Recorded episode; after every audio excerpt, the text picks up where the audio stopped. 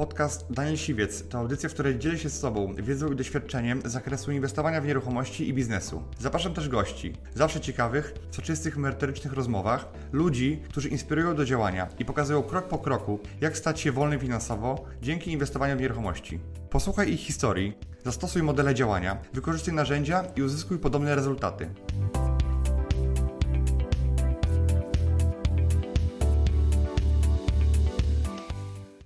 Cześć, witajcie w nowym odcinku Business Ridera, a moim dzisiejszym gościem jest Filip Nowobilski. Cześć. Filipa pewnie znacie z. Filip jest autorem programu e, i kanału na YouTubie Duży w Maluchu, gdzie przeprowadza wywiady i między innymi taki wywiad mieliśmy okazję dzisiaj i nagrać, więc u Filipa na kanale już jest dostępny ten materiał.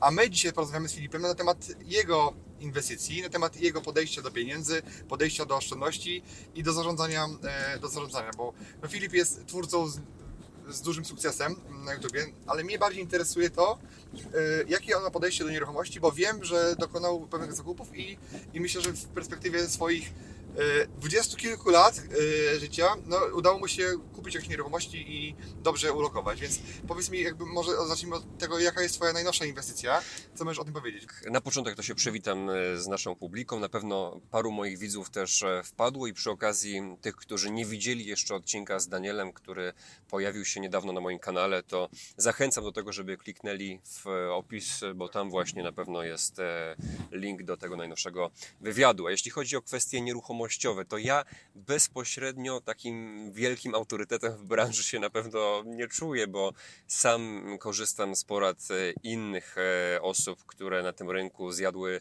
zęby, ale jednocześnie nie wykluczam, że w przyszłości tym segmentem się bardziej zainteresuję. Mam już kilka mm, nieruchomości kupionych, które po pierwsze na siebie pracują, albo raczej będą pracowały, gdy mm, e, już się ta pandemia skończy i finalnie ja być może przeprowadzę się do tego takiego swojego bardziej docelowego mieszkania, które jest e, tym najnowszym nabytkiem. Już mówię e, w czym rzecz. Postanowiłem kupić mieszkanie w centrum Krakowa. Mm, można powiedzieć, że w jednej z droższych e, miejscówek w mieście, ale to nie z tego względu, że jestem snobistycznie nastawiony do rzeczywistości, bo absolutnie tak nie jest, ale z tego względu, że wedle różnych praw socjologicznych, ekonomicznych w czasach kryzysu zawsze jest grupa osób, która ma pieniądze i te pieniądze inwestuje w dobra luksusowe.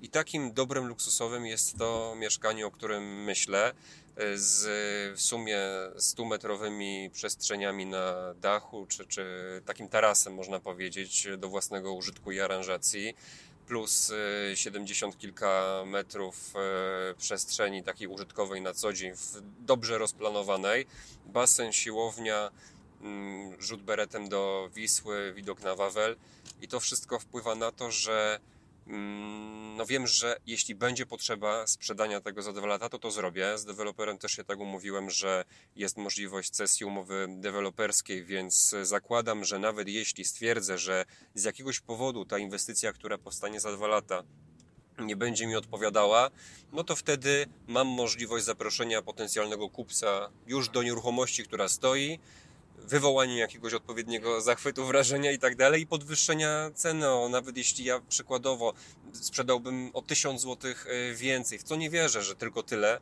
mm, no bo ja kupuję to na etapie e, dziury w ziemi w bardzo w sumie preferencyjnych, można powiedzieć, warunkach, biorąc pod uwagę stawki na, na rynku w tej lokalizacji, no to jakbym na jednym metrze e, zarobił 1000 zł, no to już jestem 70 parę metrów do przodu.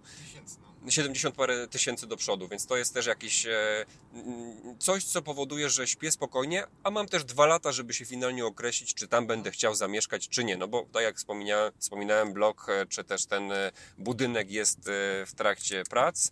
I co ważne w kontekście tej nieruchomości, no to to, że mm, wybrałem sobie ulicę, na której de facto nie ma miejsca na postawienie nowych budynków i jestem przekonany, że to też wpłynie na atrakcyjność gruntu. Okoliczne nieruchomości e, no to sprzedają bez e, basenu, tarasu i siłowni za 15-16 e, tysięcy, a w okolicach 16 z haczykiem ja kupiłem coś, co jest wzbogacone o te jeszcze dodatkowe rzeczy, więc to jest im plus duży. Okej, okay, czyli kupiłeś dla siebie pod własne potrzeby, natomiast y, udało Ci wynegocjować z deweloperem, co nie zawsze się da, nie każdy się na to zgodzi, że będziesz mógł naprawdę z tej umowy się wycofać i podstawić na swoje miejsce y, nowego kupca, natomiast Ty sobie zgarniesz różnicę między ceną, którą Ty dogadałeś, a między tym, co on chce zapłacić. Tak? Oczywiście, że tak. Masz opcję furtkę wyjścia, furtkę ucieczki albo funkcję monetyzacji swojego zysku tu i teraz, więc bardzo, bardzo fajnie. A to to był rok 2020, prawda? Gdzie wszystko było pod znakiem zapytania.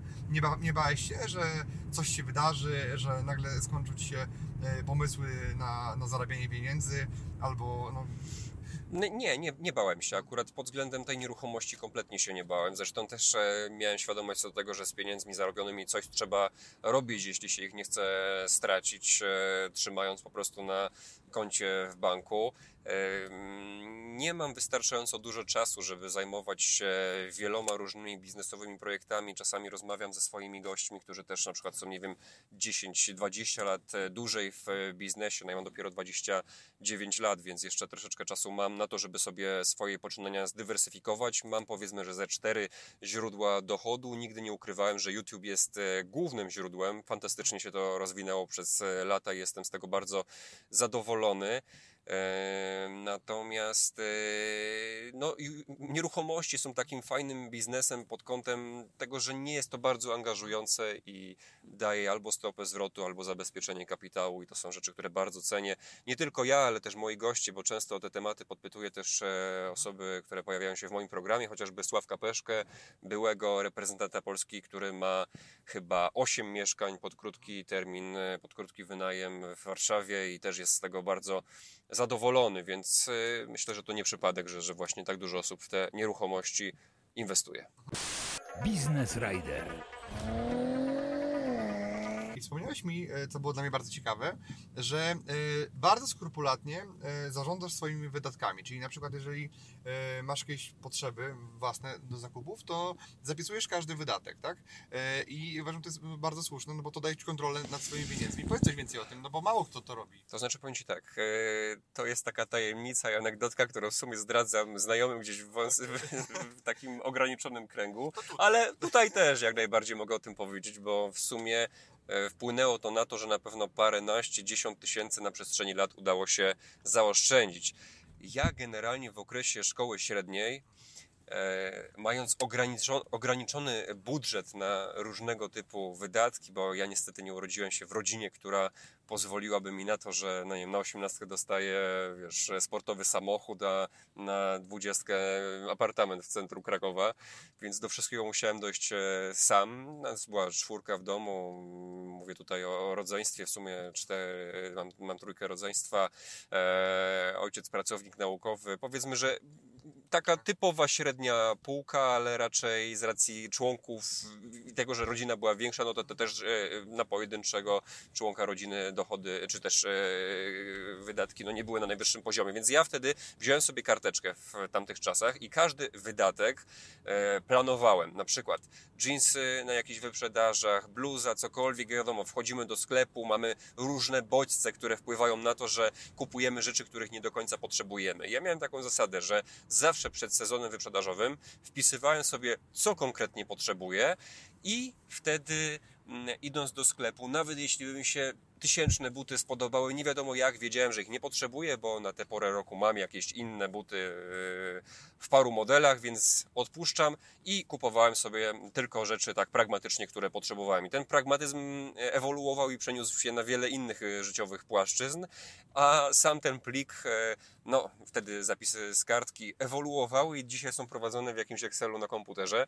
I też tak jest faktycznie, że no jak zabieram się do jakichkolwiek jakichkolwiek zakupów, to kupuję tylko to, co wcześniej sobie zaplanowałem i mam, tak. mam, mam nad tym kontrolę. Oczywiście czasami jakiś spontan się zdarzy dla własnej przyjemności, ale większą przyjemność nawet e, e, mam z tego, że wszystko mam tak poukładane i zaplanowane, że, że, że, że, że nie potrzebuję się dodatkowo e, jakby bodźcować nieplanowanymi zakupami.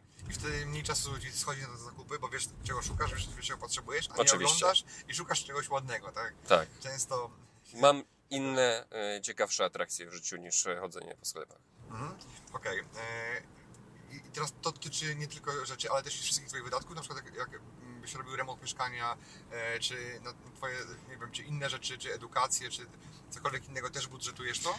Tak, raczej tak. E, Jak em, urządzałem pierwsze mieszkanie e, parę lat temu, to pamiętam, że wtedy e, poradziłem się paru osób dobrze zorientowanych w branży i robiłem też takie mikroprzetargi na pojedyncze rzeczy w domu. Oczywiście, gdybym miał to odpowiednio zeskalowane i posiadał 10 nieruchomości, to by było bardziej to efektywne, ale przykładowo zaprosiłem e, chyba czterech stolarzy do mieszkania i mm, jeśli chodzi o kuchnię, no to e, wahała się cena między 20 a 12 tysięcy złotych. Za de facto to samo. Jeśli chodzi o jakieś szafki na wymiar, na przykład do łazienki, to pamiętam, że między 600 a 2400. E, Więc robiąc takie mikroprzetargi zaoszczędziłem bardzo dużo pieniędzy. Tak naprawdę bardzo dużo, to jest relatywne, ale na tamten czas to było sporo. No. Każdy inaczej wycenia swoją pracę. Jeden sobie wycenia roboczą godzinę za 20 zł, drugi za 200 zł tak naprawdę. I to jest ta sama często usługa, a niekoniecznie, e, nie zawsze się e, różni jakością, a czasami tylko i wyłącznie e, tego, czy, czy ten klient ma, czy ten wykonawca ma więcej, e, większe obłożenie po Tak, prostu. ale też termin był dla mnie istotny, no bo jeśli na przykład na tego tańszego musiałem czekać rok, czy tam pół roku, no bo takie czasami były terminy, no to oczywiście się na to nie decydowałem, ale jakby w ten sposób faktycznie robiąc takie wyceny można, można realnie zyskać.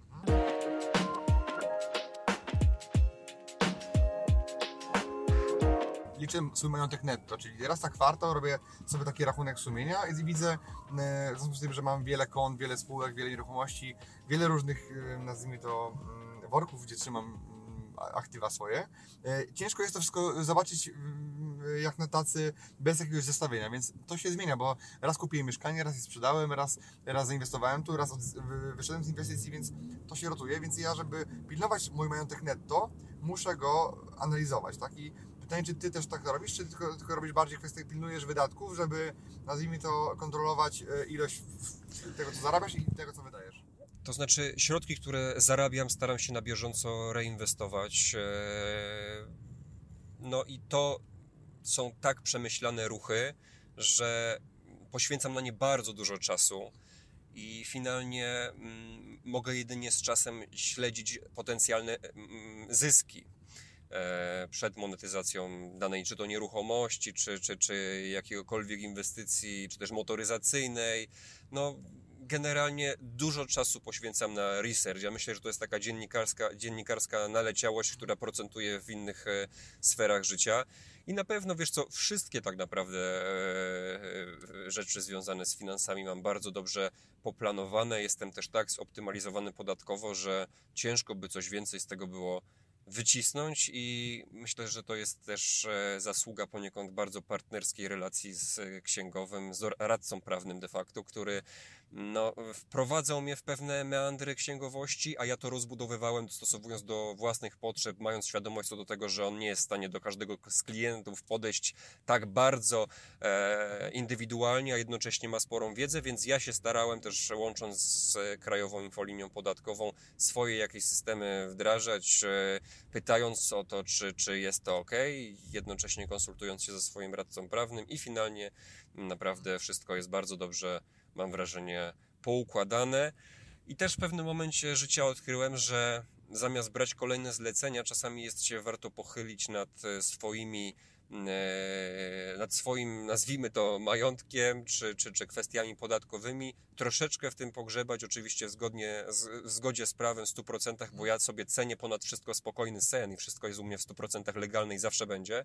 I finalnie e, pogrzebać, zastanowić się, co można zrobić lepiej i, i, i, dzięki temu też jakąś kwotę zarobić. No bo to jest tak, że jak już zarabiasz dobre pieniądze, to czasami pochylenie się nad podatkami, zastanowienie się, czy można to robić tak legalnie, ale inaczej, w inny sposób, czy skorzystać z jakiejś ulgi podatkowej, czy przejść na inny sposób rozliczenia, no bo tych sposobów jest kilka tak naprawdę, tak? Jako przedsiębiorca masz i parę możliwości. Eee, Czasami jest tak, że na jednym zastanowieniem się zarobisz więcej niż mm, biorąc kolejne zlecenie, czy robiąc kolejny, kolejną aktywność. Tak. Poza tym mm, u mnie taka optymalizacja podatkowa stała się swego rodzaju no, taką pasją, albo nawet nie, że optymalizacja podatkowa, ale mm, unikatowe podejście do kwestii finansowych. Właśnie ten racjonalizm, ta, ten pragmatyzm, który płynie, wcale to nie jest nudne. To nie jest tak, że, że ja wszystko mam absolutnie e, ułożone też w życiu prywatnym. Staram się, żeby tak było, ale no na pewne rzeczy nie ma się wpływu, ale naprawdę daje mi to dużo satysfakcji, że mogę w tę grę pograć na własnych zasadach i czerpać z tego jakieś zyski, więc to jest, można powiedzieć, że jakaś moja pasja. No, no bo jeżeli byś był pracownikiem etatowym, to nie miałbyś tak naprawdę żadnego pola, byś był tylko kibicem, który jest wpuszczony na stadion i ma, swój, ma, ma swoje miejsce i może tylko siedzieć i krzyczeć tak naprawdę, nic więcej. Słuchaj, współ... A tutaj możesz roz, rozgrywać to, nazwijmy to, masz jakieś pole do gry. Współpracuję też e, z pewną firmą, jedną z największych w Polsce, jeśli chodzi o branżę mediową. Od paru lat y, mam tam swego rodzaju umowę i absolutnie nie przeszkadza mi to w prowadzeniu moich y, przedsięwzięć. Nie pracuję też tam dla pieniędzy. Pracowałem tam dla relacji, powiedzmy, y, towarzyskich, też wnosząc jakąś wartość w tę firmę, ale towarzyskich w tym sensie, że mnie jako freelancera w pierwszych latach działalności przytłaczało siedzenie w domu. Myślę, że wiele osób wtedy zastanawiało się, o co temu gościowi chodzi. No, zarabia pieniądze, siedzi w domu i okej, okay. ale jak tak nas wszystkich w czasie pandemii pozamykali w tych domach, to ludzie zaczęli wariować i nie każdemu ten tryb pracy zdalnej prac e, pasował. Więc ja zauważyłem, że pracując gdzieś, e, gdzie musiałem pojawiać się w jakichś e, określonych godzinach w miarę regularnie, plus jeszcze e, albo, albo po prostu wykonywać jakąś pracę zadaniowo, e, byłem w stanie być dużo bardziej efektywnym, bo narzucony był na mnie pewien reżim, przynajmniej w tamtych czasach, kiedy ta regularność nie była taką moją mocną stroną.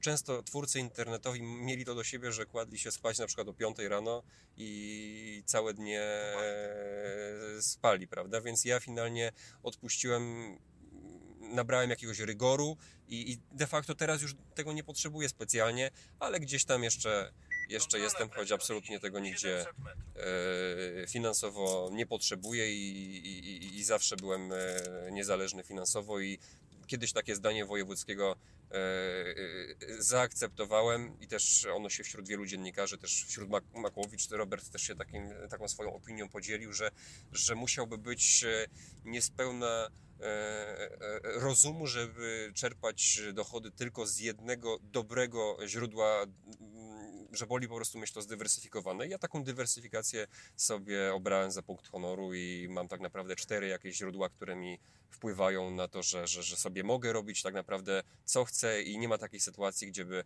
powiedzmy yy, ktoś był w stanie mnie mobbingować i ja bym musiał to znosić. Po prostu od razu zakończę współpracę i mogę sobie robić dalej co chcę, bo, bo jestem niezależny i tyle. Mhm. Okay, bo e, Filip też poznajesz w swoim programie bardzo dużo fajnych osób, nie tylko znanych, ale też i osób, które osiągnęły sukces e, od zera, zbudowały swoje majątki i jakby takie trzy najważniejsze lekcje, które byś wyniosłeś od swoich widzów, które pamiętasz, jakby mm, można powiedzieć zmieniły Twoje myślenie i pomyślałeś sobie, aha, ten gość ma rację i może faktycznie ja też powinienem to u siebie e, przemodelować. Mhm. kojarzysz? Tak, tak. E, ja bardzo często miałem takie poczucie, że Warszawa jest e, taką mekką dla przedsiębiorców, jest ziemią obiecaną, jest czymś, co powinno być celem każdego biznesmena, żeby w tamtym ekosystemie się usadowić i nawet na emeryturze łatwiej się tam deale będzie robić, bo kwestia dojazdu i tak dalej odpada. A w pewnym momencie zauważyłem, że ja nie mam czasu konsumować tego, co zarabiam, często pewnie 95% rzeczy realizując dla klientów warszawskich, ale w Krakowie, sporo, sporo też po kraju jednak jeżdżąc.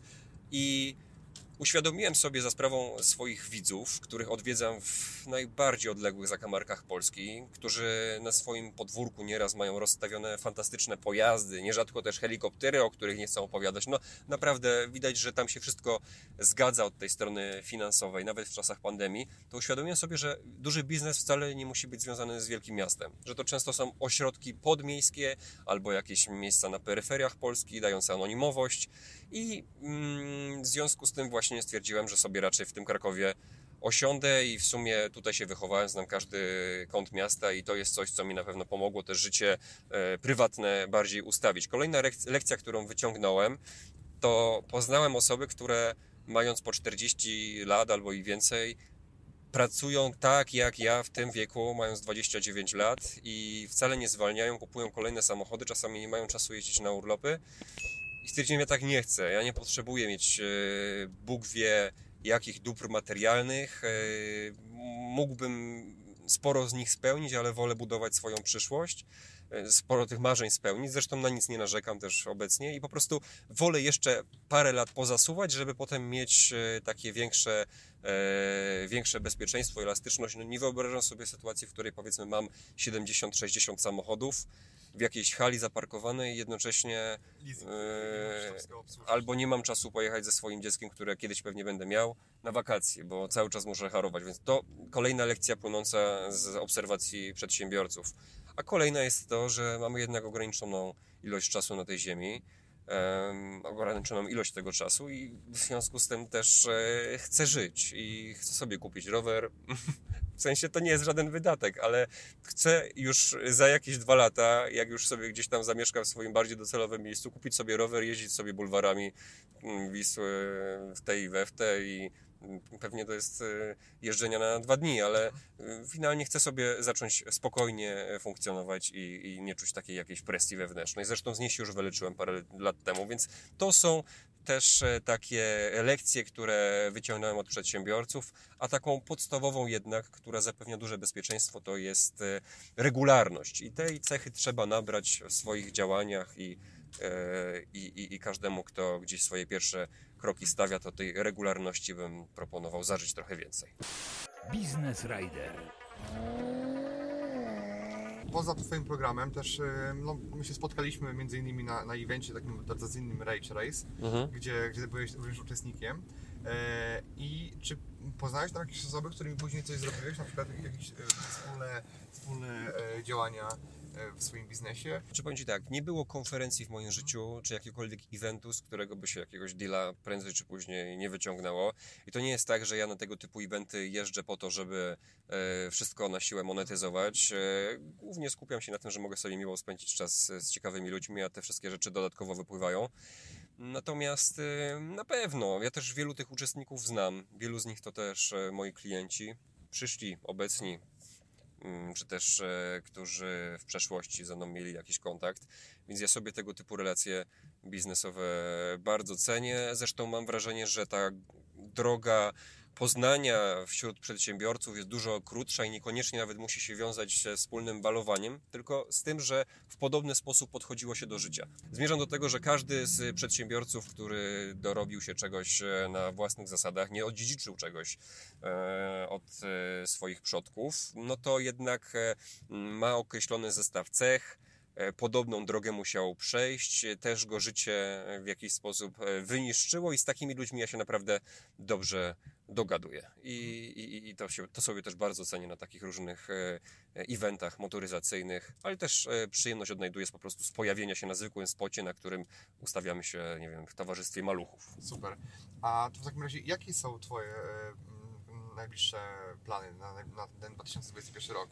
Czy zamierzasz coś zmieniać w swoim programie, czy, czy zamierzasz, jakieś masz kolejne inwestycje zaplanowane, czy gdzie chciałbyś być za, za te 2-3 lata? Zawsze planowałem wszystko na spokojnie i zakładałem wzrosty mniejsze niż e, te, które się wydarzyły. I tak naprawdę e, kupując pierwsze mieszkanie już ze 4 lata temu, e, to miałem takie poczucie, e, że kiedyś moje dziecko mnie zapyta, dlaczego tato tutaj postanowiłeś się e, osiedlić, że tak powiem. Finalnie... Na tym polu. Tak finalnie podejrzewam, że nawet y, moje dziecko tego mieszkania może do tego czasu nie zauważy, bo już będzie daleko sprzedane i, i, i, i fakty są takie, że na pewno e, ta rzeczywistość dosyć dynamicznie się rozwija, też w takiej branży działam, więc sobie to bardzo cenię. Ale co bym chciał zrobić w tym roku? No to myślę, że na pewno popracować nad jakimiś własnymi autorskimi produktami, żeby też jakąś e, wiedzą się ze swoimi widzami podzielić, już taką bardziej merytoryczną, czy to za sprawą moich doświadczeń, ale niekoniecznie, bo mam dojście do wielu osób, które w tym kraju odniosły naprawdę wielki biznesowy sukces, które e, są na liście Forbesa, które mają wielkie majątki, też, też e, można powiedzieć, że nieraz odziedziczone, ale potrafią nimi świetnie zarządzać, więc e, mam w planach jakąś publikację na koniec roku książkową, którą chciałbym, e, którą chciałbym się poważnie zająć i mam nadzieję, że w tym roku się to uda. Chodzi mi to po głowie od dwóch lat, ale z powodu braku czasu było to niemożliwe, ale pandemia też troszeczkę pozwoliła zwolnić i, i, myślę, że nawet jeśli zrezygnuję z jakichś innych działań komercyjnych na rzecz niepewnego projektu, to chyba się no, pokuszę i to zrobię. Ja Cię, ja wspieram y, bardzo i kibicuję, bo napisałem też trzy książki i wiem, że początki były trudne, żeby ją napisać, ale później komentarze czy yy, maile od ludzi, którzy mówią, że to i to zmieniło e, w ich życiu, naprawdę yy, gratyfikują później tą ciężką pracę y, nad tą książką. Także ja, Ci kibicuję i, i czekam na, na, na, premierę. Także dzięki Filip, że, że udało nam się wspólnie porozmawiać. Także przypominam, że jeszcze e, u Filipa na, na kanale są dwa odcinki e, razem ze mną, gdzie rozmawialiśmy jeszcze o nieruchomościach, trochę bardziej szerzej, o biznesie, także e, są dostępne u niego na kanale. Też bardzo Wam dziękuję i jeszcze przypominam background odcinka, którego, który powstał przy współpracy z Danielem. Daniel obiecał, że za każdego widza, który, zdobędzie, który przeznaczy, który zasubskrybuje jego kanał po naszym pierwszym odcinku, przeznaczy złotówkę na cel charytatywny. Finalnie zbierało się 30 tysięcy i o kulisach tej akcji charytatywnej e, opowiadamy też w odcinku Gdzie poszły pieniądze, komu, dlaczego i ile, wszystko jest u Filipa. Dzięki wielkie. Dzięki. Dziękuję Ci, że wysłuchałeś do końca. Jeśli ten podcast był dla Ciebie interesujący, zapraszam do słuchania kolejnych odcinków. A jeśli chcesz jako pierwszy otrzymywać powiadomienia o nowych odcinkach, subskrybuj mój podcast.